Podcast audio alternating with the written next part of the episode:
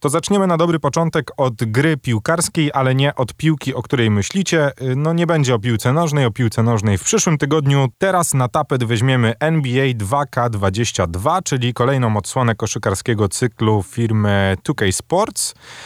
No i cóż, y, dostałem kopię na nową generację konsol, dokładnie na PlayStation 5. Oczekiwania jak co roku były bardzo duże, ponieważ jest to tytuł, z którym jestem zaprzyjaźniony już od kilku ładnych lat.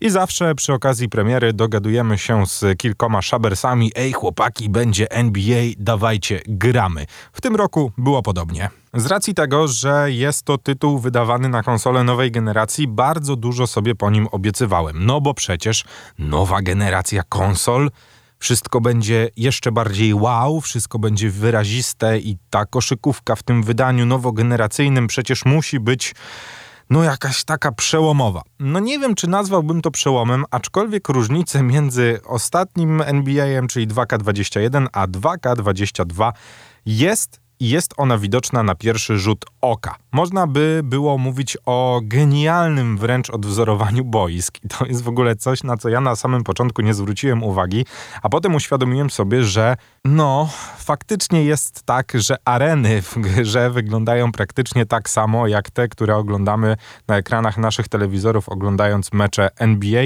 I nie mówię tego nad wyraz. Mówię jak jest. trochę tak jest. Że będąc w świecie gry, ma się trochę wrażenie, że jest się wrzuconym w transmisję z meczu koszykarskiego, z największych aren, na których rozgrywane są mecze NBA.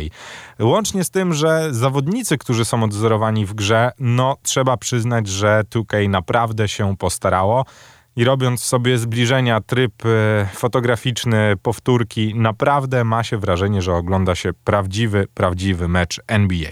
Cały czas jesteśmy przy temacie NBA 2K22, no i największym oczywiście może nie zaskoczeniem, ale no dla mnie czymś, nad czym się musiałem pochylić jest to, jak ta gra spowolniła. Trzeba powiedzieć, że NBA e, no poszło w stronę no nie wiem, czy jak powiem, że symulatora, to trochę was nie oszukam, ale faktycznie coraz bardziej ta gra zaczyna przypominać realistyczny mecz.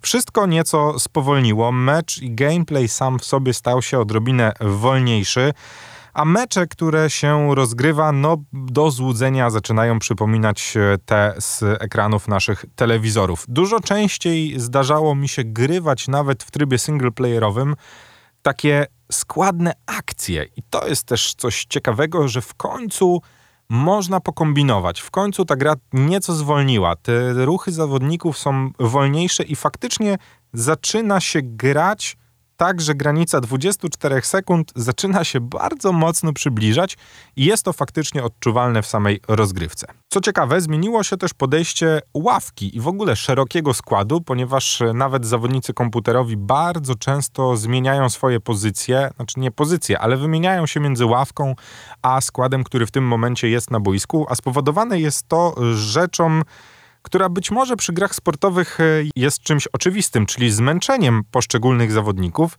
ale trzeba powiedzieć, że w NBA 2K22 koszykarze męczą się przy wszystkim. Przy bieganiu, przy sprintach, przy dryblingu, przy rzucaniu itd., tak itd., tak co sprawia, że ta rotacja zawodników, którzy są na boisku, a siedzą na ławce, naprawdę jest widoczna i zauważalna. Oczywiście sama mechanika driblingów, rzutów, blokowania i, i, zmiany pod kątem fizyki, no to jest dosyć jasne, że to cały czas ewoluuje, no bo przecież na tym polega ewolucja gry sportowej, że wszystko to ma być jeszcze bardziej, nazwijmy to wow. Ale trzeba też powiedzieć, że jeżeli mowa o najbardziej klasycznym trybie dla ludzi, którzy grają online, czyli otworzeniu własnego zawodnika, tu 2K też się postarało, no ale też są rzeczy, które no jakby to powiedzieć, trochę zniechęcają. Mamy oczywiście nowo stworzony świat, nowy playground, po którym można się swoim zawodnikiem poruszać, wykonywać najprzeróżniejsze misje, odwiedzać korty do grania 1 na 1, 2 na 2, 3 na 3, 5 na 5. No tych trybów jest naprawdę mnóstwo, aczkolwiek ten obszar jest tak gigantyczny, że po jakimś czasie staje się to delikatnie męczące. A oczywiście punkt wyjścia jest zawsze ten sam, czyli nasz piękny apartament. jeżeli chcemy się przedostać z jednego punktu do drugiego, to musimy zasuwać na deskorolce, która o dziwo jest w naszym ekwipunku, ale nadal zajmuje to bardzo dużo czasu.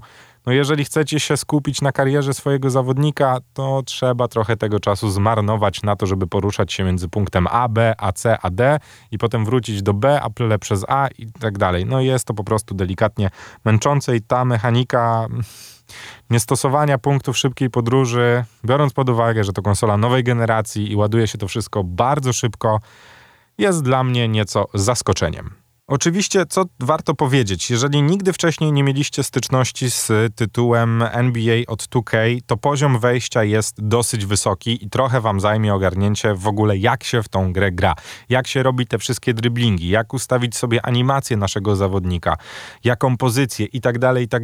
Ja wszystkim e, polecam, bo polecałem to też mojemu znajomemu, który w tym roku stwierdził, że zacznie zabawę z NBA 2K w Stanach Zjednoczonych jest mnóstwo ludzi, którzy traktują tę grę tak samo jak nasi streamerzy FIFA i znajdziecie odpowiedź na wszystkie pytania w serwisach, które dają wam wideo, bo ci ludzie naprawdę są zwariowani na punkcie tej gry, więc jeżeli szukacie jakiegoś builda pod shootera, albo pod trójkowicza, albo pod blokera, albo żeby zrobić sobie Lebrona Jamesa, to na pewno znajdziecie odpowiedź w internecie i do tego będę was zachęcać. Oczywiście no jest rzecz, do której muszę przyczepić się najbardziej, czyli mikropłatności, które są.